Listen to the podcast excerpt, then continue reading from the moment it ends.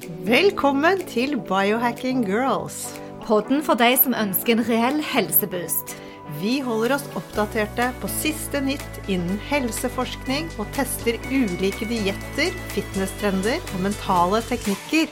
Ja, bli med oss på en spennende reise der målet er å lære hvordan din kropp kan heales, hvordan du kan aldres i revers, og hvordan intuisjonen din kan styrkes, sånn at du tør å stole på egne helsevalg. Nå har det gått to år, Monica, hvor vi har levet med en pandemi. Og det er litt sånn rart å tenke på. Jeg husker du starten av dette her for to år siden? Jeg, jeg husker bare at du skulle reise til Miami. Og jeg var helt fortvilet, for jeg hadde allerede gått i sånn pandemimodus. Du var helt avslappet, mens jeg hadde funnet frem Jiffen og var allerede i gang med å desinfisere hele core balance. Ja, jeg var skikkelig redd. Ja, jeg vet ikke om du husker, Alette, du var utrolig stresset. Og jeg vet ikke om du husker at du sa at vet du hva, alle kommer til å kjenne en eller annen som har blitt alvorlig syk med covid. Sa jeg det? ja, det var sånn vi snakket da. Og det er, for Jeg var ganske relax. Jeg skulle til USA, som du visste. Eh, men jeg følte at eh, Kina det var så langt unna. Jeg følte ikke redsel og lokk lockdownen begynte jo når jeg var der borte. Så på én uke, den første uken jeg var to uker borte, så var det helt umulig å få tak i alle sånne desinfiserende wipes og alt jeg skulle kjøpe med meg hjem. Plutselig var det utsolgt på en uke. Så vi hadde ingen begrep om hvor fort alt skulle skje. Og i dag så tenker jeg når jeg sitter og ser på The Morning Show med Jennifer Aniston, har du sett den, eller? Ja, jeg har sett den. Det er veldig gøy. Og jeg bare elsker å, for det første hele serien, men, men, det er så morsomt å se ting som er så nært, men allikevel så langt unna. Det er bare to år siden det startet, og de er der i starten av pandemien, og Jennifer får covid, og de skal sende live hjemme fra mens hun er syk. Så det, det, du får en sånn flashback, så dere som ikke har sett det showet ennå, få det med dere, så kan vi prøve å huske litt hvordan det var i forhold til nå. For fy søren som man glemmer fort. Og alt det vi har vært gjennom, jeg må si vi er jo virkelig tilpasningsdyktige. Jeg syns du Monica, du har tatt dette med stor ro gjennom begge de årene vi har vært gjennom. Jeg har nok vært mer opp og ned og syns det har vært vanskelig med alle regler og ting man skal forholde seg til som endres hele tiden. Eh, men jeg er også veldig glad for at vi fant hverandre skikkelig på begynnelsen av dette, og vi fant ut at nå må vi bare definere oss som biohackere. Og vi må hjelpe folk. Vi må rett og slett friskmelde Norge. Det, det, blir vår mission gjennom dette her. For folkehelse, det er nok det som skal dra oss gjennom denne pandemien. Og med folkehelse så mener vi fokus på det vi spiser. Vi kan ikke få sagt det nok. Spise ren mat. Men òg hvordan man tenker, hvordan man bearbeider følelsene våre. Og hvordan søvnkvaliteten er, og ikke minst dette med stress. Og hvordan man mestrer stress. Det er nok en del usynlig stress som uh, ruler samfunnet vårt nå, i form av hele stadig nye endringer på reglement. Det er vanskelig å forholde seg til det som blir sagt. Man vet ikke hvor man kan reise. Og EU-land, hvordan de har nå endret alle eh, innreiseregler for eh, hvordan koronapasset ser ut. Man blir veldig stresset og frustrert. Så disse hårete målene vi har, ja, fordi at eh, målet med podkasten vår er å friskmelde Norge. Så vi skal snakke litt om dette. Og i dag så har vi med oss doktor Erik Hekseberg. Og han har vært gjest før, så gå gjerne tilbake til episode 16 om du vil bli kjent med han. En utrolig frisk og herlig lege. Og han forklarer godt på norsk mange av de helsebegrepene innenfor funksjonell medisin som vi ofte hører amerikanske leger snakke om. Ja, Erik Hekseberg han er kjempefin å snakke med. Han er rolig og han er flink til å forklare. Men han er i hvert fall også spesialist i indremedisin.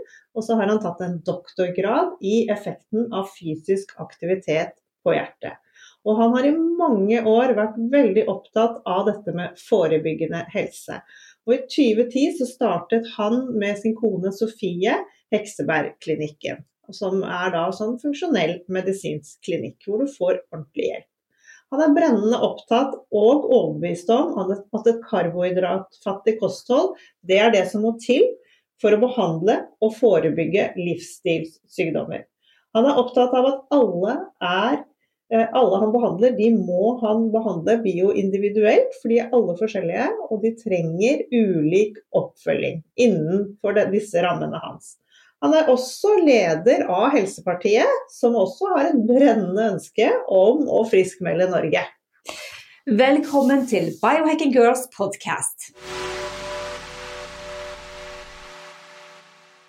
Hei, velkommen tilbake doktor Erik Hekseberg. Vi gleder oss til å høre hvordan du har det, og hva er din status akkurat nå? Hva har skjedd siden sist vi snakket sammen? Det er nesten et år siden. Ja, hva har skjedd? Vi har arbeidet jevnt og trutt, og vi har arbeidet mye med en bok om kolesterol. Og nå håper jeg at jeg har sendt den siste gang til forlaget, slik at vi tror at den kommer til å komme ut like før påske. Den gleder jeg meg til. Ja, det gjør vi også. Det er kjempespennende. Kunne vi ta en liten sånn statusrapport på covid, for det er jo det som er tema for dagens podkast. Hvordan ligger det an i Norge sånn med dine øyne, Erik? Egentlig så har vi vært eh, veldig heldige gjennom denne pandemien i Norge. Vi har hatt lave dødstall, og vi har kommet egentlig sånn sett ganske godt unna det. Men uh, vi har samtidig også stengt ned samfunnet ganske hardt, slik at vi har sett de negative effektene på samfunnet. Så her er det jo hele tiden en balanse om hvor hardt man skal kjøre smittebegrensning i forhold til hvordan man rammer samfunnet. Og Det er alltid et dilemma. Hva har liksom endret seg siden sist vi snakket med deg, i forhold til disse restriksjonene og forhold til hvordan utviklingen har vært? Ja, Da vi snakket sammen for et år siden, så trodde vel alle sammen at nå kom vaksinen, og nå skulle vi bli reddet av vaksinen. og Det var det vi ble fortalt. Så sa man at da skulle samfunnet åpne opp igjen. Det sa vi fra Helsepartiet sin side at det var vi ikke så sikre på at var helt sant, sett i lys av at vi hadde en vaksine som eh, reduserte sykelighet, men ikke reduserte i tilstrekkelig grad smitte. Og Vi så allerede da at det var folk som var blitt smittet med eh, nye varianter for flere ganger, og at eh, det var et eh, problem. Slik at vi advarte allerede da i april i fjor, og kan dokumentere da at det ikke bare er etterpåklok. Ved at vi hadde et oppslag i Dagsavisen på dette om at vi trodde ikke at denne epidemien var over til sommeren slik som det ble fremstilt fra våre helsemyndigheter og vår daværende regjering. Og det har vi vel i hvert fall fått rett i. Da høsten kom, så var det jo litt mer aktivitet enn det som var helt ønskelig med denne viruset. Og Det som er det store utfordringen med dette viruset, er jo at det forandrer seg. Det kommer i stadig nye mutanter. Og så kom det jaggu med den mutanten som eh, gjorde at eh, det spilte ingen rolle om du var vaksinert eller ikke i forhold til smitte med omikron. Så trøster vi oss jo med da at omikron er mindre farlig. Og eh, det kan vi jo være veldig glad for. Så får vi bare håpe at dette viruset finner på at dette var en finte og kommer i en ny og alvorligere form. Det er det jeg er litt redd for. Men eh, jeg, jeg, må jo si at uh, nå er det jo bare å krysse fingrene her, fordi at vi har vaksinen hjelper jo strengt tatt ikke på smitte. Så det vi håpet på, at vaksinen virkelig skulle dra oss ut av uh, hele pandemien, det er litt sånn at jeg lurer litt på hva som kommer til å bli utfallet her nå. Det ser bra ut med hensyn til innleggelsestall, men hvis jeg ser til Sverige og Danmark, så innleggelsestallene tross alt det er mulig de ligger foran oss i denne omikronbølgen. Så jeg krysser fingrene, men eh, jeg er litt usikker. Og Så er det jo noen ting som jeg er ganske sikker på, og det er at eh, jeg tror det er veldig lurt å være vaksinert. For nå er det fri flyt av smitte. Og det gjør at der hvor man tidligere kanskje kunne si at det var rasjonelt å være litt skeptisk til vaksinen, så er den balansen flyttet. For det første så vet vi at bivirkningene ved de mest utprøvde vaksinene er lav, eh, mens vi vet at eh, får du alvorlig sykdom, så har du en større sjanse for å bli alvorlig syk hvis du er uvaksinert. Så balansen har vippet litt i favør av å vaksinere seg, eller ikke litt. Altså Jeg har jo vært vaksinert hele veien, så jeg har vurdert det som en situasjon hvor vi kom til å møte akkurat dette som vi ser nå, nemlig at eh, vi vil få veldig mange som er vaksinerte, som bærer smitten med seg. Og Da får du egentlig en høyere risiko for de uvaksinerte, og da har ikke jeg lyst til å være uvaksinert. Eh, så det var min enkle vurdering fra da, jeg, da vaksinasjonsprogrammet startet. Så jeg har vel gått inn i det fra første stund, ut fra det perspektivet. Hadde du hatt et, eh, et annet perspektiv, ville jo være om man ikke hadde hatt vaksine. Men det, situasjonen er at vaksinen eksisterer. Og vaksinen gjør også at det faktisk flere som da er vaksinerte, vil ha så lite symptomer at de knapt nok kjenner det, men drar med seg smitte rundt omkring.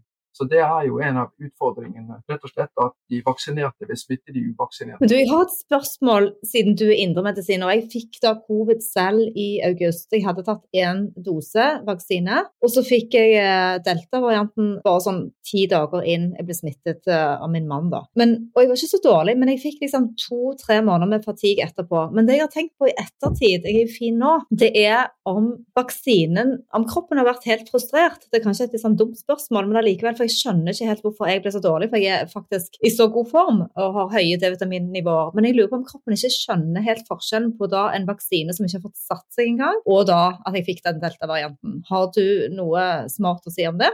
Nei, men du var jo for så vidt ikke fullvaksinert. og den uh, delta-varianten var nok uh, mer krevende og, og mer, altså har vært mer sykdomsfremkallende, så vidt jeg kan skjønne, enn det som den første varianten var. Og du ser at disse forskjellige variantene litt grann, eh, har sine karaktertrekk. Og infeksjon med delta tror jeg gjorde folk sykere enn det de hadde med den første varianten. Nettopp. Men, Men eh, vi lurte også på om du kunne forklare både oss og lytterne hvordan et virus lever og videreutvikler seg. Hvorfor forandrer det seg sånn hele tiden? Et virus eh, vil forandre seg. Eh, nå er ikke jeg noen spesialist i virologi eller noe slikt, men det som eh, tatt med ganske mange klyper salt her, så er jo ikke jeg den beste til å forklare dette, men like fullt, et virus vil prøve å tilpasse seg, og det vil hele tiden være mutasjoner i et virus. Fordi at, og så er jo spørsmålet eh, om det viruset da forandrer seg på en slik måte at det blir eh, mer farlig for oss eller ikke. Men det innta cellene våre og vil formere seg i våre celler. slik at Det er jo det som viruset gjør. Det må ha apparatet i cellene for å kunne greie å formere seg. En bakterie kan formere seg av seg selv, for å si det slik, men et virus den må inn i våre celler og utnytte kapasiteten som ligger i apparatet til cellene for å kunne lage nye virus.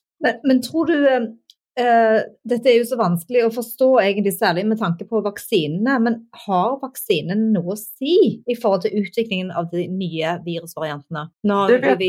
det, ja, det, det, er et godt spørsmål. Spørsmålet er, sånn som jeg forstår deg, vil vaksinen kunne bidra til at vi får flere mutanter? Altså, og Det er jo et spørsmål fordi at uh, det man kan tenke seg, og dette er litt sånn basert på en på, på, en studie som ble gjort på kyllinger, hvis jeg skal få lov til å dra det. Hvor mhm. man hadde en sykdom hos kyllinger som var veldig dødelig, og som gjorde var et problem for kyllingoppdretterne, selvfølgelig. Og da laget man en vaksine mot denne sykdommen. Og eh, det man da så, var at det utviklet seg, selv om den virket, den vaksinen innledningsvis, så skjedde det noen ting som gjorde at dette viruset endret seg. Og det de da oppdaget, var at vaksinen det var en vaksine som begrenset sykeligheten, men ikke begrenset smitten. Og det var det de kalte da en utilstrekkelig vaksine. Og det er litt sånn på samme måten som den vaksinen vi har i dag mot koronaviruset, men kanskje ikke helt likt. Men det har litt av det samme, altså at sykeligheten ble redusert, men smitten ikke tilsvarende stoppet. Og da så man at det betydde at det utviklet seg da mutanter som da fikk lov til å være mer giftige eller mer sykelige. Og det gjorde at man stadig måtte utvikle nye vaksiner for å greie å komme dette til livs. Det man da kan lure på, er jo om vi også da får et slags eh, reservoar i de vaksinerte, som da stimulerer viruset til å omdanne seg til et farligere virus. Og et farligere virus, hvis du er uvaksinert, så vil den drepe verten og gjøre at eh, viruset ikke overlever videre. Mens hvis eh, du har vaksinerte som kan da holde et mer sykelig virus, for å kalle det for det, i live fordi de ikke blir syke, så kan det da lettere smitte til de som er uvaksinerte, eller de som er dårligere rustet for å håndtere sykdom. Så det er jo det man da kan frykte. At, og særlig nå når vi da slipper dette løs med at det blir mange flere som er smittet og vaksinerte, at du da kan få en utvikling til en ny mutant. Vi har i øyeblikket ikke så veldig mye valg. Vi er i en situasjon hvor smitten øker, og hvor vi egentlig har bestemt oss for at eh, nå må vi bare ta, ta, bølgen, for å si det slik. Ta omikronbølgen. Og så må vi da innrette oss så godt vi kan på den situasjonen hvor vi er i. Og da er det jo et par ting som er helt sentrale. og det er jo at For det første så vil jeg jo si at det å være uvaksinert når det er så mange vaksinerte som kommer til å bringe smitte rundt omkring, det er risikosport. Det er den ene biten. Den andre biten er jo at det er jo en viss tid av året vi slipper dette løs på også. Vi slipper dette løs på ettervinteren. Og eh, tradisjonelt sett så er det den tiden av året hvor vi er mest sårbare for virusinfeksjoner, eller for infeksjoner generelt. Og det går særlig på bakgrunn av at eh, vi da ligger lavt på D-vitaminnivåer. Vi har ikke den beskyttelsen som D-vitamin normalt sett gir i forhold til infeksjoner. Det er en grunn til at disse bølgene har kommet pent og pyntelig på vinterstid hvert år. Og Fra første stund så har man visst at det har vært en sammenheng mellom lavt D-vitaminnivå og høy forekomst av sykdom. Og kan si også en mer farlig eller mer eh, alvorlig utvikling på sykdomsforløpet ved lave D-vitaminverdier. Og det er jo litt typisk også at man har sett det er særlig tre grupper som har kommet dårlig ut i statistikkene og det er eh, de eldre, som ofte har ligget lavt i D-vitamin. Det er de som har overvekt, fedme, diabetes type 2. De ligger også veldig lavt i D-vitaminnivå, og det er en velkjent sak. Og så er det noen tredje gruppen, og det er våre landsmenn med mørkere hud, som har et lavere D-vitaminnivå. Og alle disse gruppene burde i særdeleshet bli anbefalt å ta høye doser eh, D-vitamin. Og egentlig bør vi alle sammen passe på å sikre oss å ta våre D-vitaminer gjennom eh, denne vinteren daglig. Jeg vil jo si at minimum 40 mikrogram er det man må ha. Altså De fleste tar for lite. Ja, 40 mikrogram daglig er vel det jeg vil si at det er en slags form for minimumsdose. Og I tillegg gjerne en multivitamin, fordi det da får man litt ekstra D-vitamin også, det gjør ingenting. Og det tredje som jeg anbefaler mine pasienter, det er å ta C-vitamin 1 gram daglig. Rett og slett for å komme høyere på ja, vitaminer og mineraler som har betydning for å bekjempe sykdom. Men du, Hva med barn oppi det hele? Det er jo også litt vanskelig fordi at eh, barn vaksineres ikke i Norge enn så lenge. Så de blir jo gående rundt og både får og spre større smitte. Hva tenker du?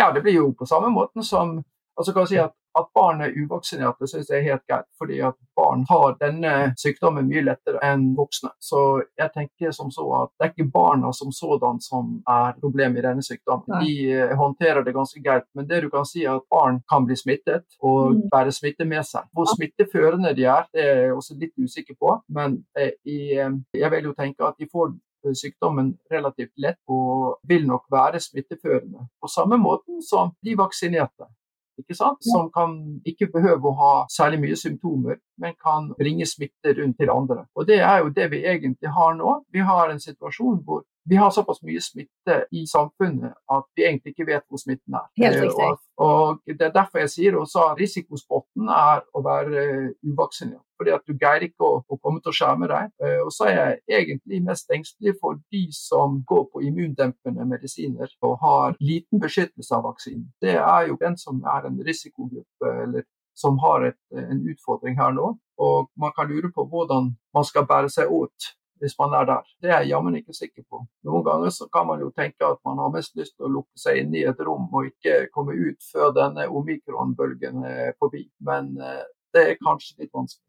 Det er jo vanskelig når vi ikke vet hvor lenge den varer. Eh, men sånn, med all denne testingen da, som holder på nå, at man tester og tester og tester, er det bare tull? Fordi de tallene som kommer hver eneste dag, de, de stemmer jo ikke. I og med at det er så mange som ikke har symptomer og kanskje ikke ja, Nei, jeg syns det har blitt mye av det. Ja, du kan si at vi har gått fra en situasjon hvor uh, man skulle ha uh, eh, PCR-bekreftelse til at nå var egentest tilstrekkelig. Jeg vil tippe at med den økningen som er, kommer vi bortimot til å komme til et punkt hvor, hvor det ikke spiller så stor rolle.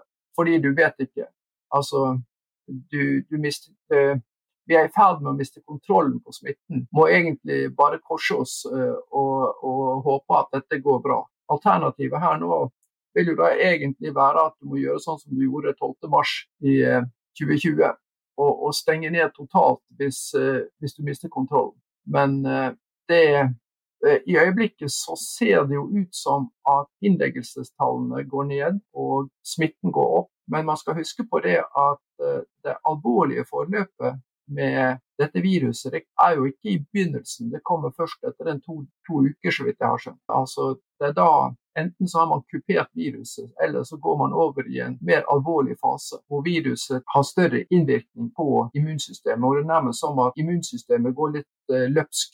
Du, Når du er inne på det immunsystemet, så kunne jeg godt tenke meg at du forklarte oss litt mer om eh, hvordan T- og B-cellene jobber, som er vårt forsvarsverk. bare som vi forstår litt, For det er jo òg veldig forskjellig og individbasert. Vi, ingen er jo like.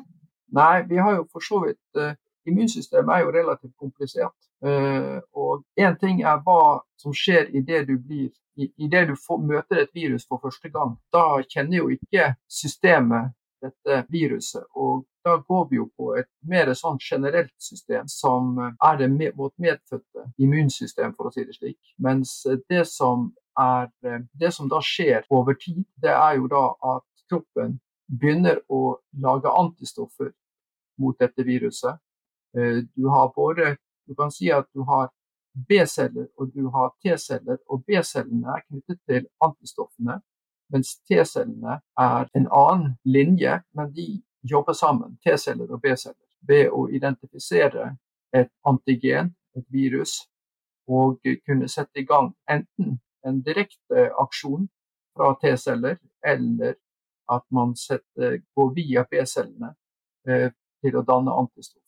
Og når kroppen da har laget antistoff, eh, så er den raskere til å sette i gang med disse antistoffene igjen neste gang. Og Det er jo det som er hensikten med vaksinen, at kroppen da tidligere i forløpet gjenkjenner, eller kan tidligere i forløpet har en gjenkjennelse av dette viruset, og har også eh, forsvarsverker som de kan sette i gang med tidligere. De må ikke bygge opp hele Forsvaret igjen, på samme måten som de må hvis man er, eh, har, hvis man er uvaksinert og ikke har vært gjennom infeksjonen på forhånd. Mens du har dette eh, medfødte systemet som vil møte det i første omgang. og Det er avhengig av både C-vitaminer og D-vitaminer for å gi et, eh, en best mulig effekt. Hvis dette er dårlig, at man ender opp med å bli alvorlig syk, sånn som jeg kan se det. Men du, eh, alle disse vaksinene og boostershots og sånne ting. Eh, hva er eh, risikoen ved dette? Blir det sånn at vi må ta disse vaksinene hele tiden? Og hvordan kan vi unngå å skape så mye så, sinne overfor disse som ikke vaksinerer seg? La oss si det sånn at eh, hvis vi kan ta det, første, eh, nei, det siste først, med sinne ja. overfor de som ikke vaksinerer seg. De som ikke vaksinerer seg, de løper jo i øyeblikket en mye høyere risiko. Man må tenke seg til at de har vurdert eh, risikobildet på en slik måte at de tenkte at det var farligere å ta vaksine enn å bli smittet. Det syns jeg kunne være rasjonelt i begynnelsen av denne pandemien. Men jeg syns ikke det er rasjonelt i øyeblikket. Fordi at risikoen For det første vet vi mye mer om vaksinen. slik at vaksinen er ikke fullt så farlig som man kunne frykte i begynnelsen. Samtidig vet vi at eh, dette viruset, hvis man er uvaksinert, er eh, ganske farlig selv for folk som har gjort alt ting riktig med hensyn til vitaminer og mineraler og alt mulig, så ser vi jo at de også kan bli alvorlig syke. Så jeg tror at det å tenke at å ha en aksept for at situasjonen har forandret seg, og det tror jeg også at eh, er det noe denne, dette viruset har lært oss, så er det at situasjonen forandrer seg hele tiden. Og det tror jeg også at de uvaksinerte må tenke at her har situasjonen forandret seg. Det kan gjøre at man skal endre synspunkter og ikke være helt fastlåst i sine synspunkter. fordi at det er ikke den samme situasjonen som det var i mars 2020. Godt uh, poeng. Og det er det òg som er litt frustrerende. for denne Covid-19-vaksinen ble jo laget til andre varianter eller viruser da, enn den vi står overfor nå i dag. Uh, og vi leser om at det kommer én til i kjølvannet av omikron nå så virker denne vaksinen, som da er en covid-19-vaksine, virker den på alle de nye mutantene? Er det det samme, Erik? Ja, det er jo da, du kan si at det er klart at Den har jo da virket dårligere i forhold til smitte, men den har redusert sykeligheten. Så er det jo det vi ser, er vel at det kommer til å komme oppdateringer av eh, vaksinen. Og eh, jeg mente å høre noen ting om at Pfizer sa at de kom til å basere seg på at de kommer til å komme med en årlig fornyelse av vaksinen. Så det er vel det vi kan eh, se for oss her, at vi kommer til å ha en verden hvor vi hvert år må ha påfyll av koronavaksiner. Så Det betyr den nye influensavaksinen nærmest, at vi får bare den i tillegg? At den revideres hvert år? Det kan eh, nærmest se ut eh, Jeg tror at det peker seg nærmest litt sånn ut i en eh, utvikling som går i den gaten, og at det er noe som de fleste må gjennom. da. Men spørsmålet er jo om man kunne utvikle en vaksine som i større grad hemmet smitte. Altså Skal du få bukt med dette viruset, så må vi stoppe smitten. Tror du det er mulig? Da må det være på bakgrunn av at vi får en vaksine som greier å hemme smitte. Og hvorvidt det er mulig på dette viruset, eller om dette viruset så, har så stor evne til å tilpasse seg at det kommer i hele tiden nye varianter det er jeg usikker på. Dette er jo egentlig bare tiden som kan vise. Vi står overfor noe som er vanskeligere enn det vi nok uh, hadde tenkt at vi skulle stå overfor. Selv når man snakket om pandemier, så har vi vel ikke sett for oss akkurat dette scenarioet her som vi har nå. Og selv om uh, i Helsepartiet så advarte man jo mot pandemier i forkant av året før, på årsmøtet året før, så advarte man jo mot at uh, vi ville møte pandemi. Og vi etterlyste beredskap. Den manglet jo. Og det det som du kan si at det vi også har et problem med i dag, er jo at sykehuskapasiteten er såpass eh, dårlig at vi må holde igjen basert på sykehuskapasitet. Mer enn det vi kanskje har, ellers hadde måttet gjøre hvis vi hadde hatt en eh, bedre sykehuskapasitet. Fordi Når vi ser tilbake på andre pandemier, hvordan er denne covid-19-pandemien annerledes? For de andre har jo på en måte dødd ut det som jo er spesielt her, det er jo at uh, verden for første gang angriper en pandemi med vaksine. Altså mm. det eh, å ha vaksine mens vi går inn i denne pandemien. Vi har vel for så vidt hatt eh, det med svineinfluensa da det så ut som at det kunne bli en alvorlig pandemi med hensyn til det. Så fikk vi jo svineinfluensaen og vaksinen der var vel ikke akkurat det som gjorde det lettere i denne runden her. fordi at tilliten til vaksinen ble jo da veldig lav, fordi det var såpass mye bivirkninger etterpå. Mindre sykelighet, mer bivirkning av vaksinen. Så det er jo en del av historien på, som gjør det litt vanskelig i forhold til denne pandemien. Her jo, har vi jo da en pandemi hvor flertallet av befolkningen er vaksinert. Og det har verden, tror jeg, aldri møtt en pandemi med. Og vi vet ikke da om viruset eh, da naturlig kommer til å dø ut, eller om vi i større grad holder viruset ved like gjennom at vi er vaksinerte, tåler å bli smittet uten at vi har tatt livet av, for å si det slik. Dette er jo eh, veldig skumle tanker, Erik. La oss si det sånn.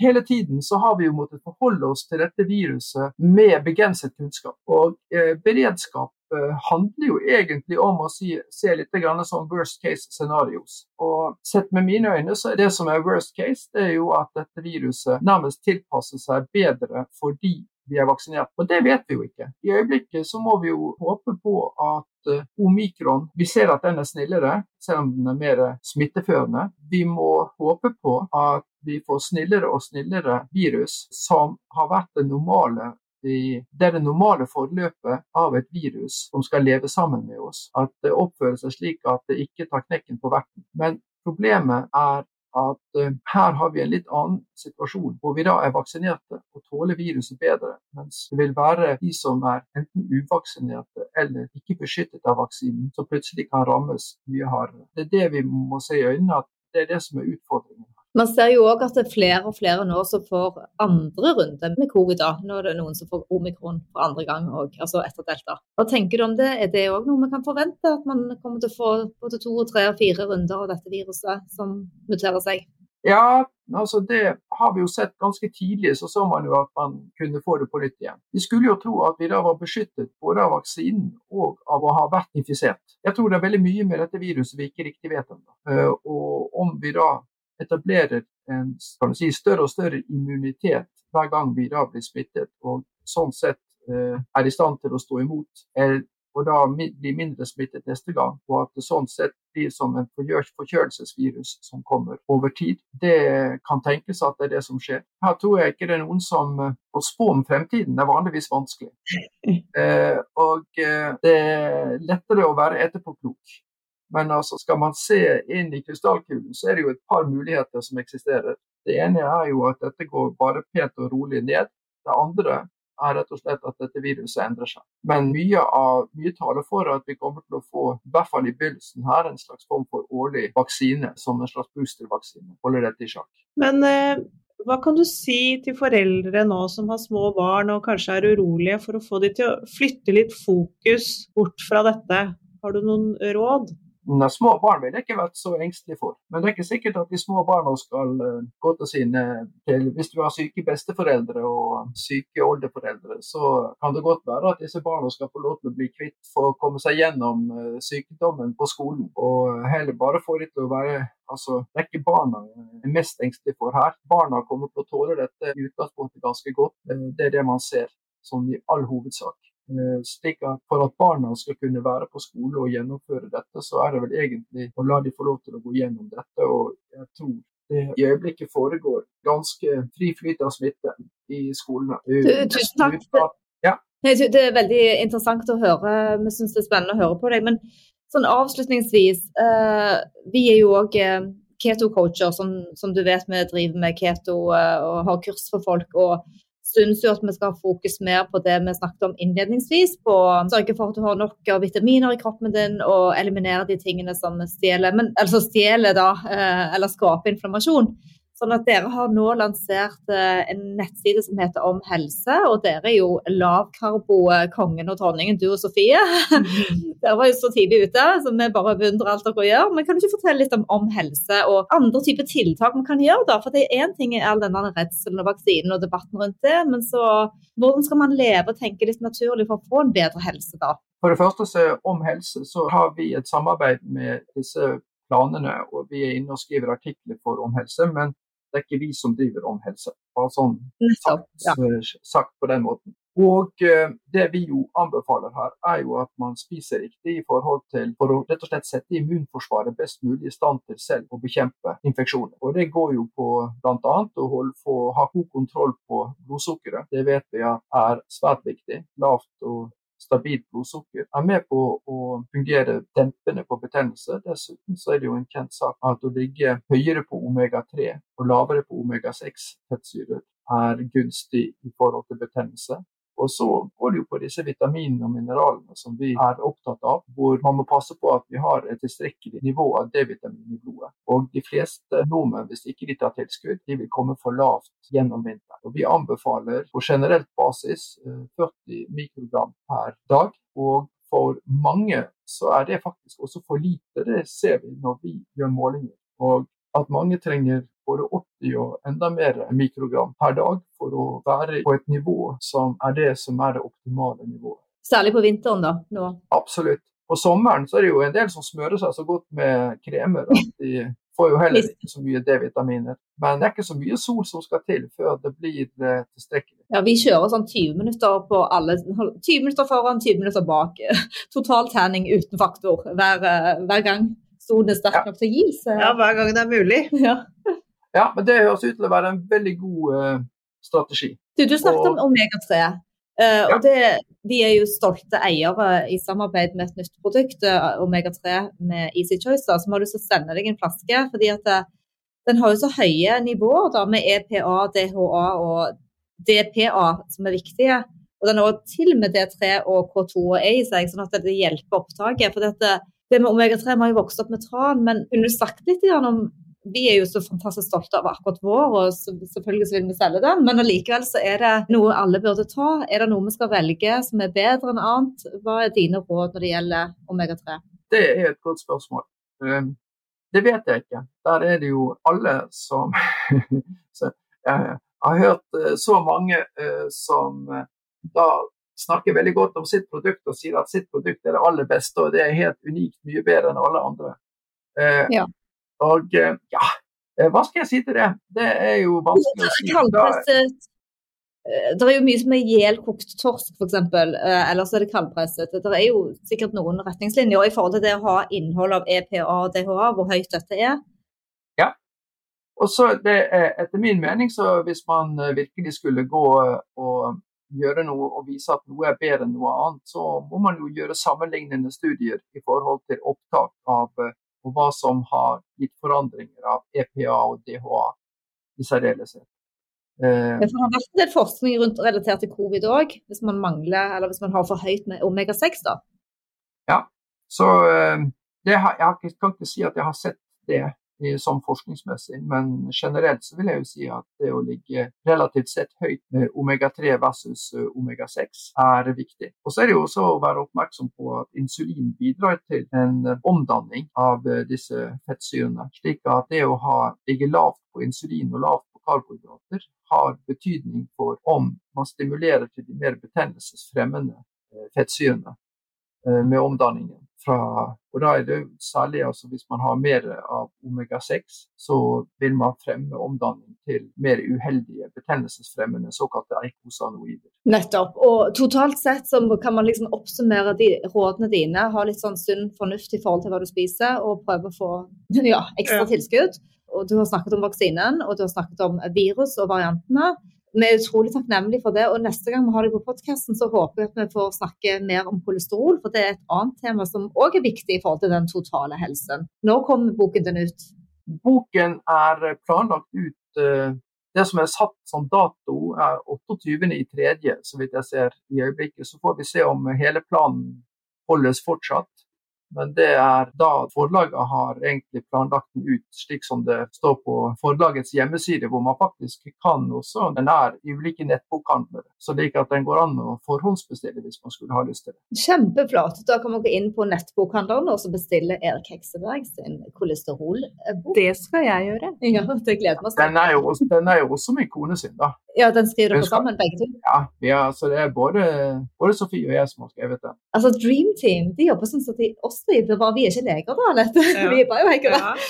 Men du Erik, det er alltid veldig hyggelig å ha deg på podkasten og treffes. Eh, så jeg håper at dere har det fint sammen og tar vare på hverandre og har god helse, og så at vi snart får snakkes igjen. Ja, det håper vi. Tusen takk skal du ha, Erik. Veldig hyggelig å prate med deg i dag. Veldig oppklarende mye, og veldig, du er flink til å forklare. Takk skal dere ha, og takk for at jeg fikk lov til å være med hos dere. OK, vi snakkes da. Ha det godt. Hils rundt deg. Ha det bra. Ha det.